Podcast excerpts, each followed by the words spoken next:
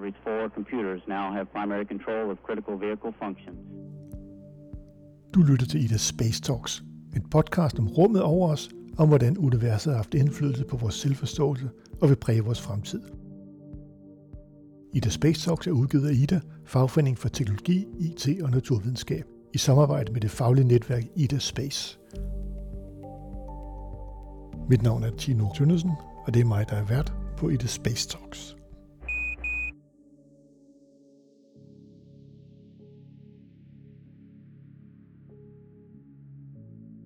I dag bliver det mørkt. Det bliver rigtig mørkt.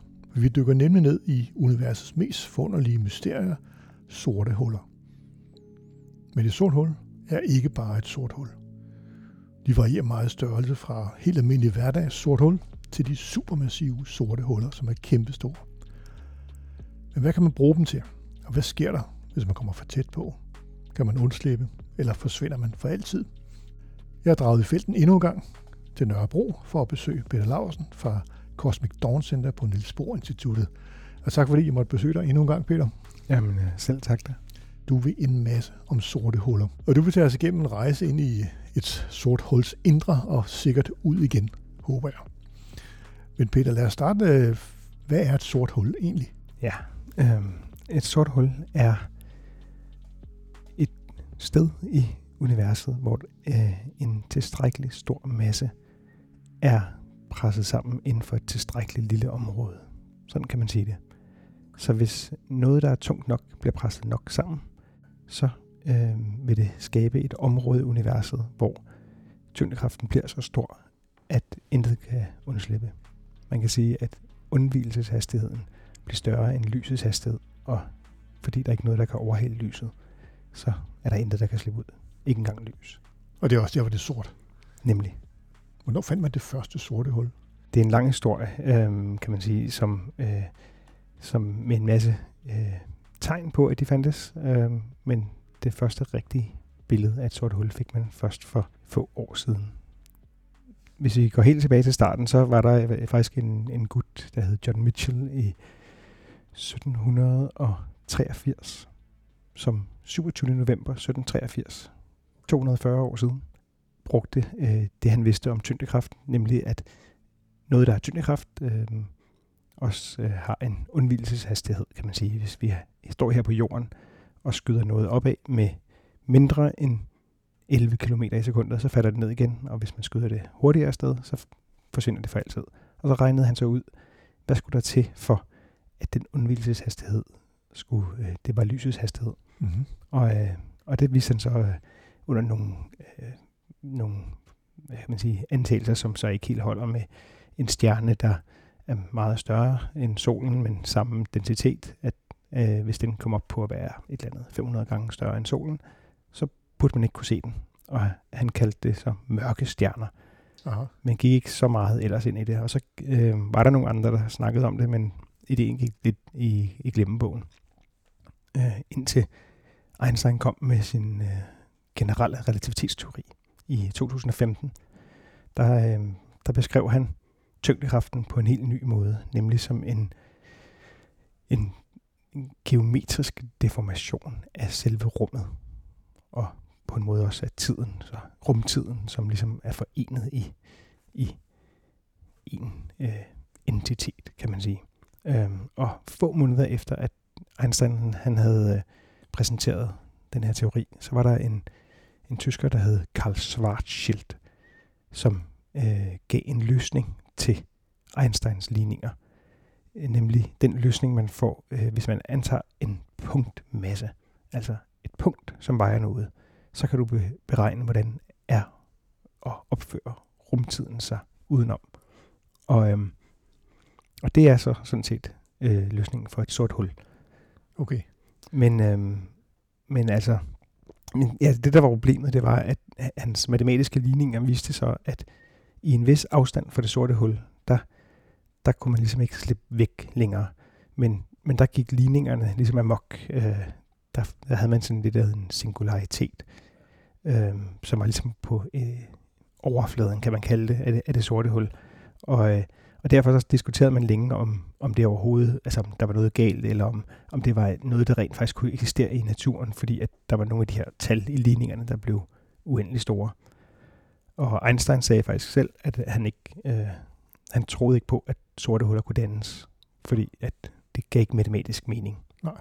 Ligningerne, som Einstein har præsenteret, øh, de, de fortæller dig, hvordan er rumtiden givet en eller anden form for mm, massefordeling. Og hvis den massefordeling så er noget, noget, noget, der vejer noget og ligger et eller andet sted, Ja. så kan du så få et sort hul. Men, øh, men det gav ikke, øh, ja, det gav ikke rigtig mening, indtil der så øh, i, øh, i løbet af 30'erne, man udforskede det sådan matematisk, og, og kunne se, at hvis man valgte et andet koordinatsystem og, og udtrykte matematikken på en anden måde, så viste det sig, at, at, at, øh, at øh, matematikken virkede alligevel. Så kunne man få det til at passe. Ja, så kunne man få det til at passe.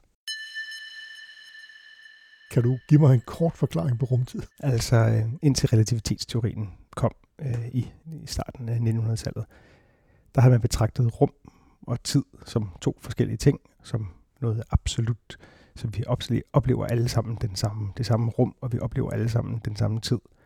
Og det, som øh, der var øh, en fyr, der hed Minkowski i øh, slutningen af 1800-tallet, han, og så Einstein og flere andre, de kunne så vise, at de, altså man kunne beskrive rummet og tiden som en samlet øh, ting, som vi så kalder rumtiden, og som ikke er absolut, så vi kan have forskellige opfattelser af rummet og tiden, og, og det kan ligesom blive blandet sammen. Så altså rummet har ligesom tre retninger, kan man sige. Tre, der er op og ned og frem og tilbage og højre og venstre. Og tiden har, så vidt vi kan se, kun én retning, Mm. og det er fremad. Jo. Og det, det giver så fire tal til sammen. Øh, tre rumlige og en tidlig, tids, tidslig Ja. koordinat, kan man sige. Og de fire tal til sammen, det er så rumtiden. Okay. Hvordan bliver sorte huller skabt? Jamen, det var, det, er, øh, det var sådan noget, man så begyndte efterfølgende, da man ligesom havde etableret teorien, så kunne man sige, okay, vi kan sige, hvis noget er presset nok sammen, så kan man få et sort hul. Men spørgsmålet er, hvordan kan det blive presset sammen? Og der begyndte så, altså allerede i 20'erne, så havde man øh, vist, at når nogle stjerner, når de dør og løber tør for brændstof, Jo. så trækker kernen sig sammen og bliver til et meget kompakt objekt, som man kalder en hvid dværg. Ja. Øhm, men øh, i, i løbet af 30'erne, så, så øh, fandt man så ud af, at øh, sådan en hvid dværg, den, den har en maksimal masse. Hvis den kommer til at veje for meget, nemlig cirka halvanden gang så meget som solen, så, så kan den simpelthen ikke holde sig oppe.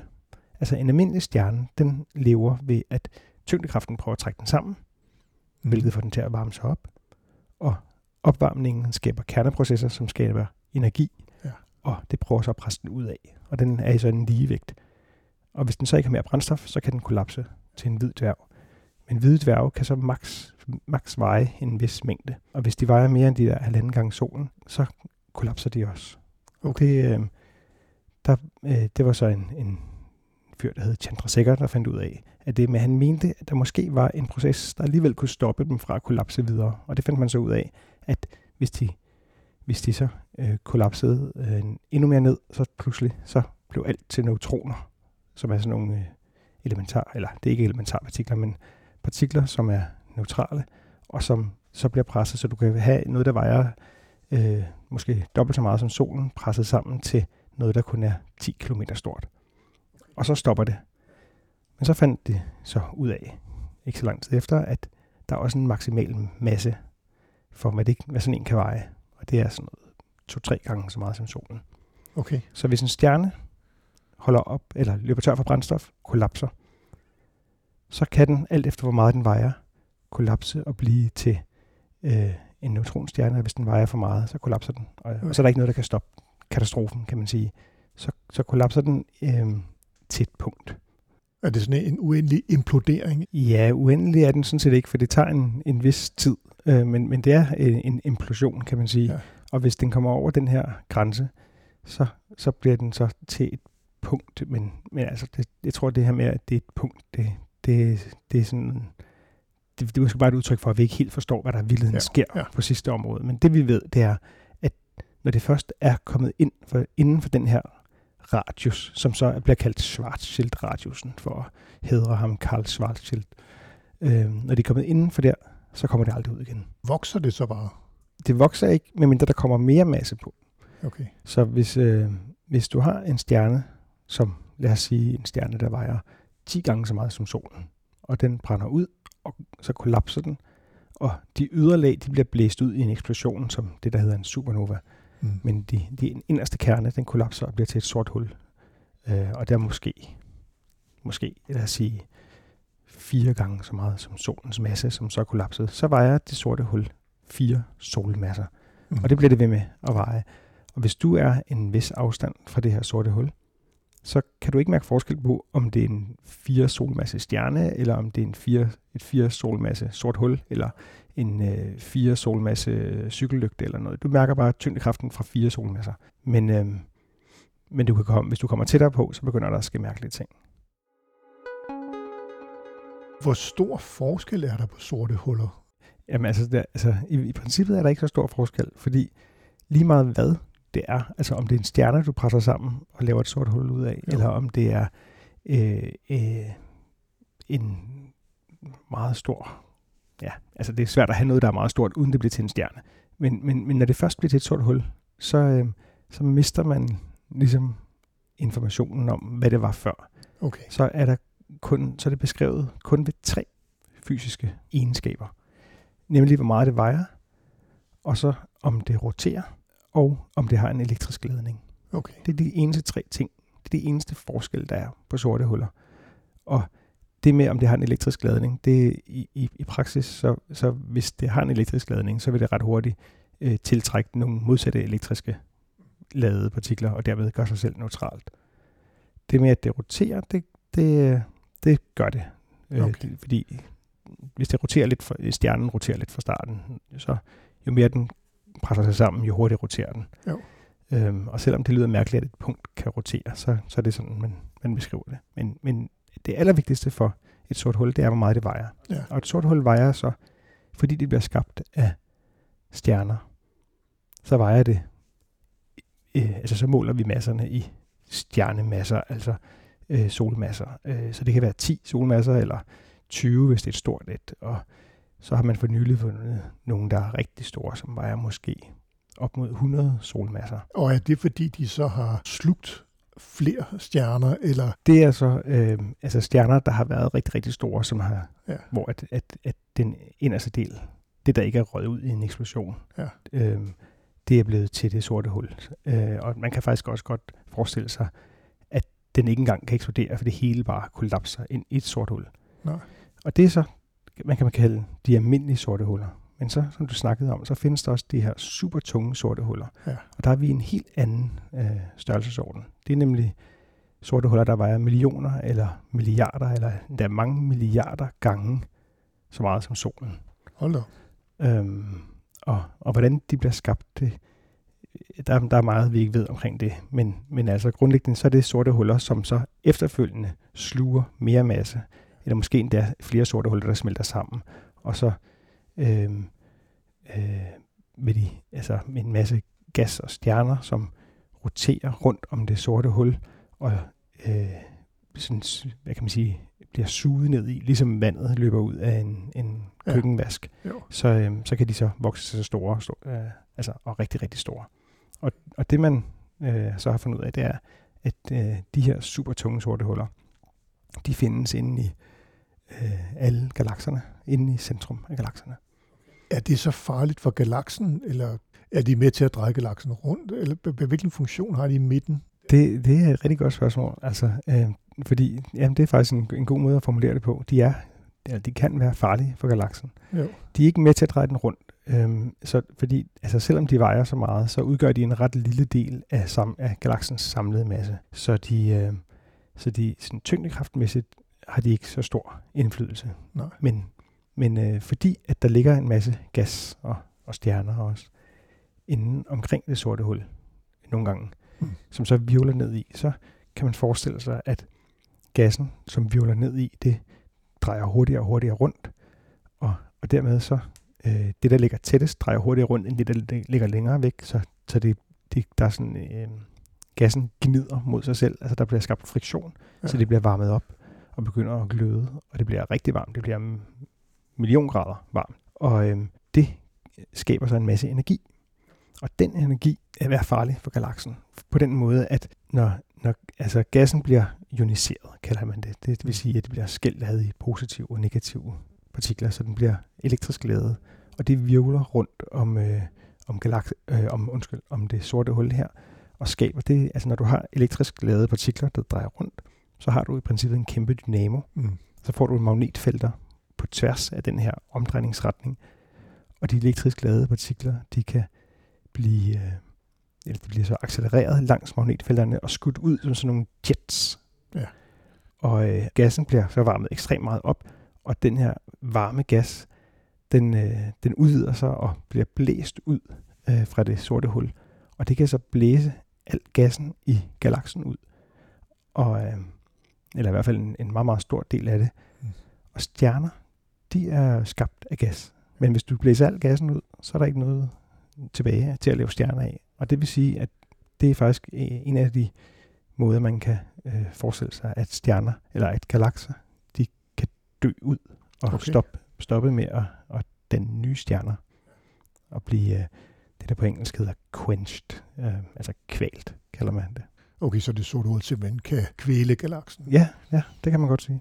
Det lyder jo meget, meget voldsomt. Ja, men det er det også. Og hvis, altså hvis du så sidder, det er så det, man kalder det en aktiv galaksekerne. Og, og de, de kraftigste af dem her, hvis man sidder i den retning, hvor den her jet bliver skudt ud, så, øhm, så ser man det så som, øh, det kalder vi en kvasar. Mm-hmm. Og den kan man, altså det er så ekstremt lysstærke, så man kan se dem på tværs af, af det meste af universet. Altså af det meste af det observerbare univers. Og det har man set. Det har man set masser af. Ja, Okay. det har man set siden de første blev opdaget i midten af 60'erne. Aha. Øhm, og, og nu øh, opdager man den øh, rutinemæssigt. Og det giver vel så også en, en indikation om, her er et sort hul. Lige nøjagtigt. Og, og nu kommer vi jo så hen til det her med, altså vi havde en masse teori før, men, Jo. men har vi rent faktisk set sorte huller? Jo. Og det har man så øh, på en masse indirekte måder, og så for nylig også på en direkte måde. Og en af de indirekte måder, det er så det her med, at man har set de her kvasarer, Mm-hmm. som, øh, som det passer sådan ind i teorien om, at det er gas, der virvler ned i et sort hul, og så det, der ikke bliver slugt, det bliver spydet ud som energirig ja. øh, gas og stråling.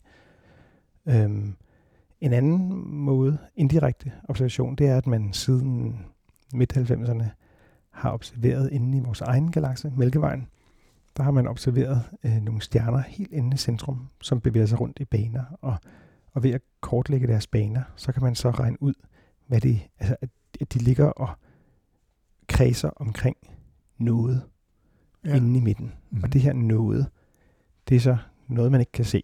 Og øh, ved at se på, hvor hurtigt stjernerne bevæger sig rundt, så kan man regne ud, hvor meget det vejer, og, og ved at så observere, så kan man se, det, det må have øh, maks en vis størrelse, Jo. for ellers ville vi kunne se det. Øhm, og der, det er så, øh, der kan man regne ud, at ifølge vores teorier i hvert fald, så er der ikke noget, der kan være så tungt og så småt, uden at være et sort hul. Nej. Og man kan regne ud, hvor meget det vejer. Det vejer cirka 4 millioner gange solens masse. Hold op, ja. Og så, så der findes forskellige sådan indirekte måder. Jo. Men så her 11. februar, tror jeg det var, i 2016, der øh, præsenterede øh, samarbejde, der hedder Event Horizon Telescope, som er et netværk af teleskoper rundt omkring Mm. mm. i, i hele verden.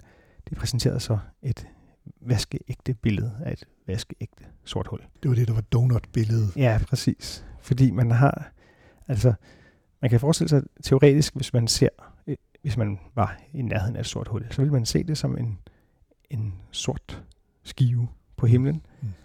mm. øhm, der ligesom, hvorfra der intet lys kom.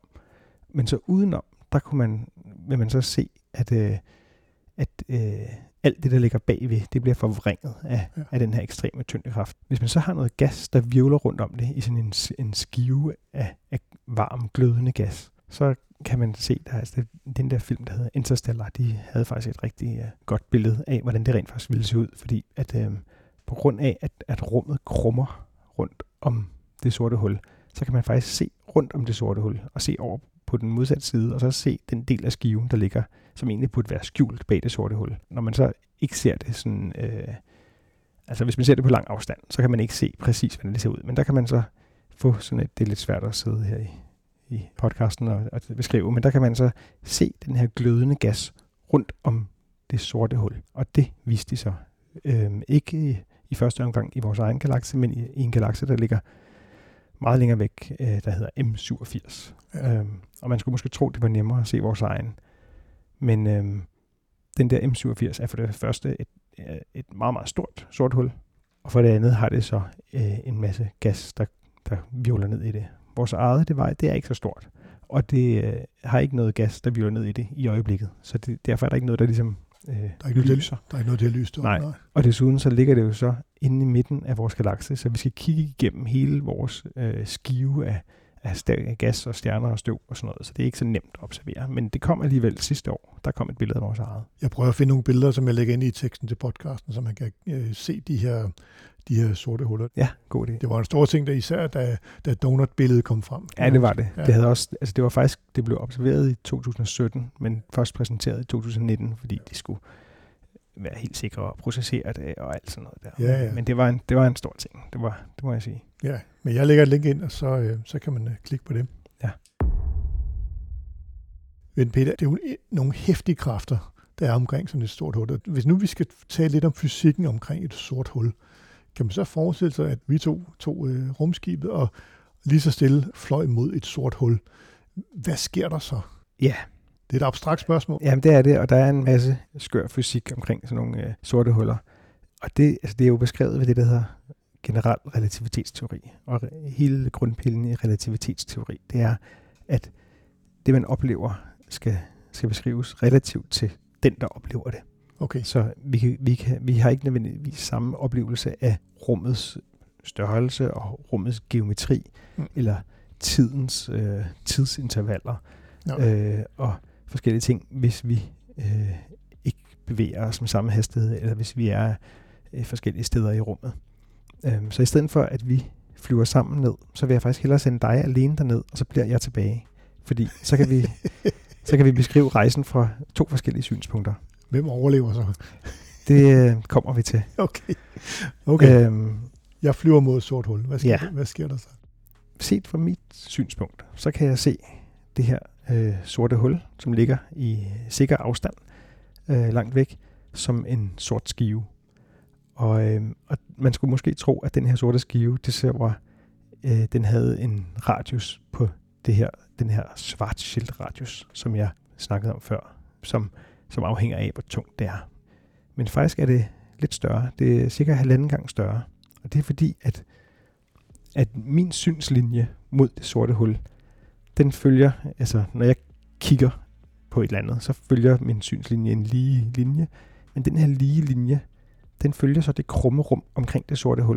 Mm. Og det betyder, at jeg faktisk, øh, hvis jeg kigger lidt ved siden af det sorte hul, så kigger jeg faktisk ikke forbi det.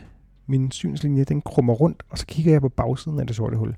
Okay. Så det vil jeg opleve som om, at det sorte hul er, er større så dybest set, så kan du se, hvis vi ser det sorte hul som en, som en bold eller en skive, ja. eller en sfære, så, kan du, så ser du bagsiden af den. Ja, det kan man sige, og derfor ser den større ud for mig. Ja. Og det gør den så også for dig i starten. Ja. Når jeg så, så, så øh, lad os sige, du, du øh, vil spare på din brændstof, så du lader dig bare falde ned mod det sorte hul. Og øh, for ligesom at have en idé om, hvad der hænder dig, og hvordan du oplever det, så øh, vinker du til mig. Jo. Lad os sige en, en gang i sekundet er der et vink. Det bruger vi som tidstagning. Ja. Så når du kommer tæt nok på, så vil jeg se dig vinke langsommere og langsommere. Og det er fordi, at øh, jo, jo dybere man er i tyngdepotentiale, altså jo, jo stærkere tyngdekraften er, jo, øh, jo langsommere går tiden. Mm-hmm. Set fra et sted, hvor tyngdekraften ikke er så stor. Og det er den så ikke her, hvor jeg startede, eller her, hvor jeg er, hvor du startede. Der er vi langt væk fra det sorte hul. Så, øh, så det, jeg vil se, det er, at din tid går langsommere. Og det, det skal jeg så forstå som, hvis du havde et ur, så kunne jeg se din sekundvise gå langsommere. Og nu vinker du en gang i sekundet, men jeg vil se det langsomt gå øh, langsommere og langsommere. Og øh, jo nærmere, nærmere du kommer det sorte hul, jo langsommere vil din tid gå. Mm-hmm. Og faktisk så er det, fra mit synspunkt, så vil du aldrig nå ned til det sorte hul. Du vil komme tættere og tættere på, overfladen, altså den her, man kan sige, øh, kugle, som ikke er noget fysisk. Det, altså man kalder det en, det er en horisont. Man Ja. kalder det begivenhedshorisonten, som så har en radius, der er lige med den her Schwarzschild radius. Øhm, du vil komme tættere og tættere på, men du vil bevæge dig langsommere og langsommere, og du vil aldrig nå den, set fra mit synspunkt. Fordi din tid går langsommere og langsommere, og på overfladen af den her begivenhedshorisont, der vil tiden faktisk gå i stå. Okay. Så du når ikke derned. I virkeligheden vil jeg ikke rigtig se det, fordi der vil også ske noget andet. Nemlig at det lys, som, altså når jeg ser på dig, så ser jeg det lys, du ligesom udsender. Mm. Og det lys, det bliver øh, øh, jo, jo dybere nede i tyngdepotentialet, altså jo, der hvor, jo, jo stærkere tyngdekraft der er derfra, hvor det bliver sendt, jo mere, mere energi mister det på vej til mig. Og når lys mister energi, så, så bliver det rødere og rødere. Så man, man siger, Ja. du bliver mere og mere rødforskudt. Øh, og ikke bare rødforskudt, men infrarødforskudt. Og til sidst bliver det lys til mikrobølger og radiobølger. Øhm, I virkeligheden går det ret hurtigt, det her.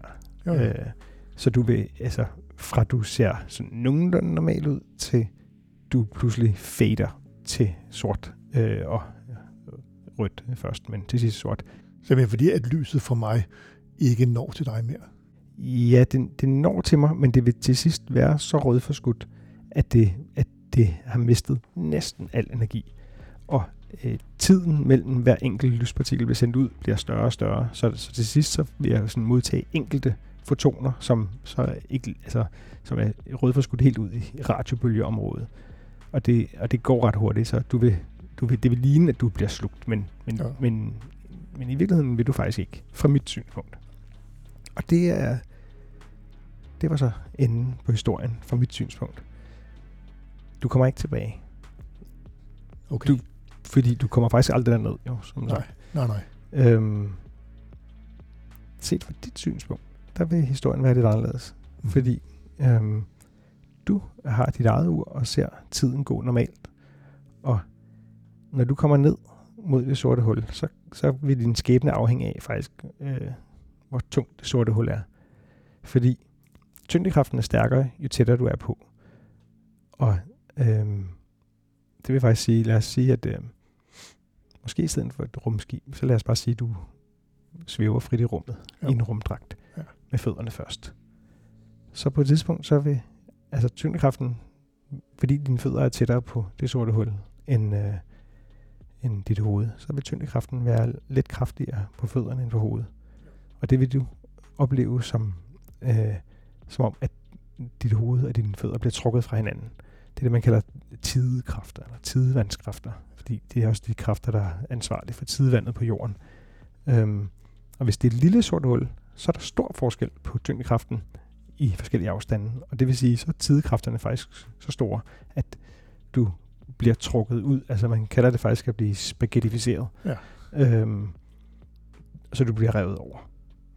Og det, det er jo lidt trist, kan man sige. Ja, det er jo synd, Øh. det er jo synd for mig. Ja, så lad os i stedet for prøve at øh, bruge et rigtig, rigtig stort sort hul. Fordi der er så er tidekræfterne faktisk ikke så store. Så kan du godt øh, overleve, øh, indtil du kommer øh, meget tæt på, og endda kan du overleve, øh, selvom du passerer den her begivenhedshorisont. Mm-hmm.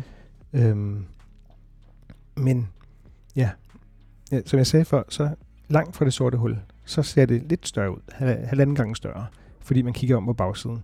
Jo tættere du kommer på det sorte hul, jo mere kan du se om på bagsiden, og faktisk kan du til sidst se hele vejen rundt om det, om på forsiden, og endda flere gange rundt om det, øh, fordi rummet krummer så meget omkring det sorte hul. Og det betyder, at øh, altså, alting bliver jo større, når man kommer tættere på, ligesom vi er vant til. Jo. Men det sorte hul, det bliver øh, hurtigere større. Og når du er sådan øh, nogle, et par Schwarzschild-radier, eller 10 Schwarzschild-radier fra det sorte hul, så vil det fylde halvdelen af, af himlen for dig.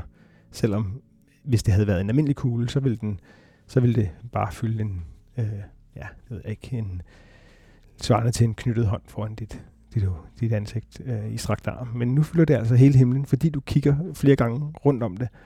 Og, og til sidst, så vil det ligesom wrappe sig rundt om dig. Øh, fordi selvom du prøver at kigge væk fra det sorte hul, så vil din, det du kigger på vil følge altså den synslinje, som Ja, den, den, den, den- kører med rundt. den kører øh, med rundt og kigger tilbage. Og til sidst, når du så krydser begivenhedshorisonten, så vil det eneste, du kan se, det er præcis tilbage i den retning, hvor du kom fra. Så der, der vil jeg faktisk kigge på dig, selvom jeg ikke har bevæget mig. Ja, øh, men du vil, du vil kigge på hele øh, universet, så at sige, så du vil have svært ved at skille mig, for du vil kigge, øh, alt kommer fra samme punkt, Okay. og det bliver så i øvrigt, fordi lys, det bliver også blåforskudt, altså fordi lyset kommer, ligesom, altså jeg ser din, dit lys miste energi, men du ser lys udefra, der får energi. Så, det, så du vil, du vil, det sidste du ser, det er et, et blåt glimt af lys, og så fatter du det ned. Og så lad os øh, sige, at du måske havde en jetpack på din rumdragt, Mm. og du tænker, okay, det var en dårlig idé, men jeg kan da i det mindste prøve at nyde turen så længe som muligt. Så, øh, så du tænder for den her jetpack, for at prøve at accelerere væk fra det sorte hul. Du kan ikke bevæge dig hurtigere end lyset, og du har ligesom indset, at der er ikke nogen vej tilbage, når du har krydset horisonten. Men øh, du tænker du måske, at du kan forlænge dit liv lidt ved at accelerere. Mm. Og det kan du altså ikke. Nej. Øhm, dit længste liv får du vel det bare at lade dig falde. Hvis du prøver at accelerere, så vil, så vil du faktisk komme hurtigere. Selvom du prøver at accelerere væk fra det sorte hul, så vil du komme hurtigere, eller væk fra midten, så vil du komme hurtigere ned mod midten. Og det har noget at gøre med, hvordan den her rumtid, den, øh, den øh, deformeres, kan man sige, af det sorte hul. Og der er en masse matematik, som jeg øh, meget gerne indrømmer, jeg overhovedet ikke forstår, men, men ved lidt af bare at, la- at læse nogle Ja, ja. konklusioner og nogle abstracts fra artikler. Så øh, ja, det kan man sige, det, det, var, det var enden på dig. Det var noget af en oplevelse. Ja, og så siger vi jo, at intet kan nogensinde forlade det sorte hul. Nej. Men, men altså, nu sagde jeg, at du, at du aldrig kunne komme ud igen. Og det, måske kan du godt, men det bliver ikke, du bliver ikke det gamle jeg. Du bliver, øh, altså fordi den, ham fysikeren, der hed Stephen Hawking, han havde så den her teori om, at sorte huller langsomt kan fordampe. Mm-hmm. Øh, noget, man så kalder Hawking-stråling, som noget stråling, der bliver sendt ud. Øh, og jo mindre det sorte hul er, jo mere stråler det. Så almindelige sorte huller, de stråler meget, meget, meget, meget, meget lidt. Og det Ja. betyder, at de har levetider langt, langt, langt større end universets levetid. Altså vi snakker øh, et et-tal med øh, ja, 67 nuller eller sådan noget efter for sådan et, et solmasse sort hul. Og, Jo, jo. og de supertunge sorte huller, det er måske et et-tal med 100 nuller bagefter. Men de små sorte huller, og, altså, og en, en, hvad er det, på et tidspunkt kan man sige, hvis, hvis de får lov at leve længe nok, så burde de fordampe og blive til stråling. Så kommer du ud igen som stråling, Som stråling. men, men al information om øh, din, dit liv, liv og levned, det, det, det er forsvundet, måske. Det var en ringe trøst. Men, men ja, du har, men du har jo mange år til ligesom at, at komme til termer med din skæbne. Peter, det var en fantastisk rejse, selvom, selvom som du siger, den er jo kort. Hvad kan vi bruge den her viden til? Hvad er det? Kan, kan vi bruge sorte huller til noget? Altså, øhm, sådan helt fundamentalt, så kan man sige, det, det er en udforskning af, af vores verden. Mm. Så, så øh, mange, mange, der forsker i sorte huller, øh, bekymrer sig måske ikke så meget om, hvad man kan bruge dem til, men mere, hvad kan vi lære? Hvad kan vi, vi vil gerne vide alt, hvad vi kan, og prøve at udforske verden. Og så viser det sig jo tit, at sådan noget grundforskning som det er, det også kan bruges til noget i hverdagen. Men det er ikke derfor, man, Nej. man gør det. Men som astronom, så kan man faktisk bruge det til forskellige ting. Øhm, jeg nævnte de her øh, rigtig store, supertunge sorte huller. De kan, hvis de er i en periode af deres liv, hvor de sluger en masse gas, så kan de øh, lyse kraftigt, som det man kalder kvasarer. Og den her jetstråle af, af kraftig, energirigt lys, den rejser så igennem hele universet. Og, øhm, og der, øh, der kan man, det kan man bruge til at finde galakser med.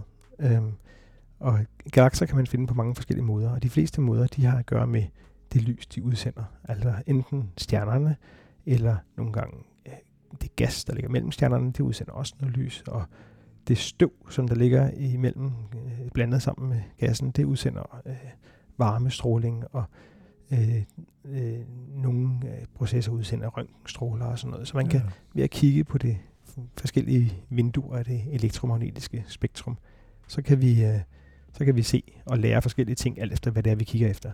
Ja. Men, øh, men den anden måde her, der, det er sådan en komplementær måde. Nemlig, hvis vi ser på en kvasar, men der så ligger en galakse i forgrunden, mm. så kan vi øh, se, at den absorberer noget af kvasarens lys ved nogle bestemte bølgelængder. Og ved at se på præcis, hvilke bølgelængder der mangler noget af kvasarens lys, og, og hvor meget der mangler, så kan vi lære noget om den galakse, der ligger i forgrunden. Og det er sådan en, det er en, det er en lidt smart måde, fordi at, at det er en komplementær måde. Altså det, det, det handler ikke om, hvad den udsender, men hvad den absorberer. Okay. Så det, øh, og det er Johan, der sidder lige inde bag den væg, som du sidder ved. Ja. Han, øh, det er noget af det, han forsker meget af med at, at prøve at undersøge galakser på den her måde. Hvad det, vi får ud af det? Altså deres alder, deres sammensætning? Og det er øh, især deres sammensætning, ja. øhm, fordi at øh, alt efter hvad de består af for nogle gasser, så absorberer de ved forskellige bølgelængder. Så, øh, så øh, hvis der nu for eksempel er, lad os sige, øh, noget kulmonoxid, så absorberer ja. det ved nogle bestemte øh, infrarøde bølgelængder, øh, eller ude i mikrobølgeområdet. Øh, og hvis der er, øh, altså ofte i en galakse, så er der rigtig meget brint, og det absorberer ved nogle ultraviolette bølgelængder, og, det, og der kan være, så være sådan nogle store huller i, i kvasarens spektrum, fordi der er absorberet en rigtig en masse lys, og der kan man øh, ved at se på præcis, hvor meget der mangler, der kan man regne ud, hvor meget galaksen øh, vejer, eller hvor meget, hvor meget, i hvert fald hvor meget øh, brinten vejer ja. i galaksen. Og så kan man så, øh, altså det, i sig selv er det bare en god måde at finde galaksen. Så kan man så gå hen og prøve at kigge, om man kan se galaksen, altså noget lys, den også, altså, fordi den burde også udsende noget lys. Mm. Og der kan man så lære flere ting om galaksen. Øhm, så, men, øhm, så, så i første omgang er det også bare at finde galaksen, og så kan man så undersøge den bagefter. Problemet er så, at den ligger jo så lige foran en ekstrem lysstærk kvasar, jo, jo. Som, som rigtig tit er, altså overlyser øh, selve galaksen. Så det, der findes forskellige metoder til at prøve at, at ligesom, øh, filtrere galaks, eller, øh, kvasarens lys væk. Men, øh, men det er ikke altid, man kan det. Nu er tiden ved at være gået, Peter. Det er jo voldsomt spændende der. Så der vil jeg stille dig et, et mærkeligt spørgsmål. Altså, hvad, hvad kunne vi tænke os at finde ud af om sorte huller, som vi ikke ved endnu? Jamen, der er masser, øh, man ikke ved. Altså, der er en masse af det her hardcore fysik øh, med, altså, hvad er den der singularitet, eller hvad man nu skal kalde det ja. egentlig? Altså, og er det, altså, bliver det alting virkelig til et punkt, eller bliver det til et meget lille område, eller ja. altså, og hvad er der inde i et sort hul? Øhm, og vi kan jo ikke tage ind og undersøge det, men, men man kan sige, at nogle af de her teorier, som man bruger til at udforske det, har så tit noget andet, de også forudsiger, som man kan undersøge, og så på mm. den måde kan sådan verificere en teori, så, den, ja. så den, man måske overbeviser sig mere om, at den er rigtig. Øhm, og så er der, altså der er også noget, nu, nu sagde jeg, at informationen om dig, da du faldt ind i det, den forsvinder. Øhm, men der er nogle, altså, og det er ikke noget, jeg ved så meget om, noget, noget informationsparadoks med, at altså, kan der i virkeligheden godt komme noget information ud af det sorte hul alligevel. Og sådan. Jo. Øhm, personligt, så, jeg, så tror jeg, at det, jeg synes, der kunne være mest spændende at finde ud af, det er de her super tunge sorte huller, jo. Øh, som, som jo vejer virkelig meget. De, de skal bruge noget tid på at vokse sig stor.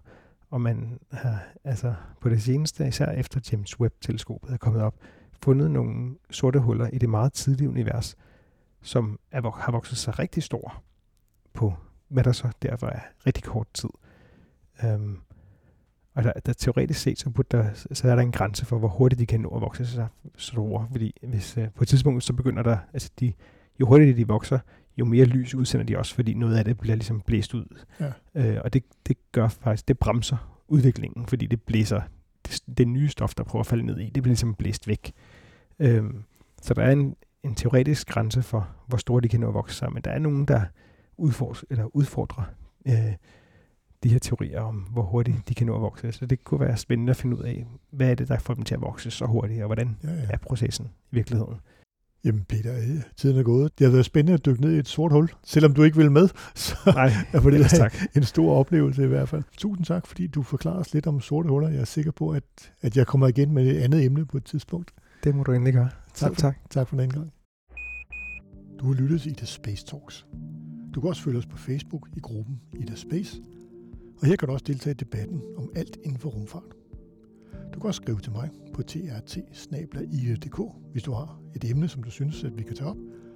Og du kan abonnere på podcasten via din favorit podcast udbyder. Ida Space Talks er en af flere podcasts, der udgives af Ida, Fagforeningen for Teknologi, IT og Naturvidenskab. Og du finder alle Idas podcasts på ida.dk-podcast.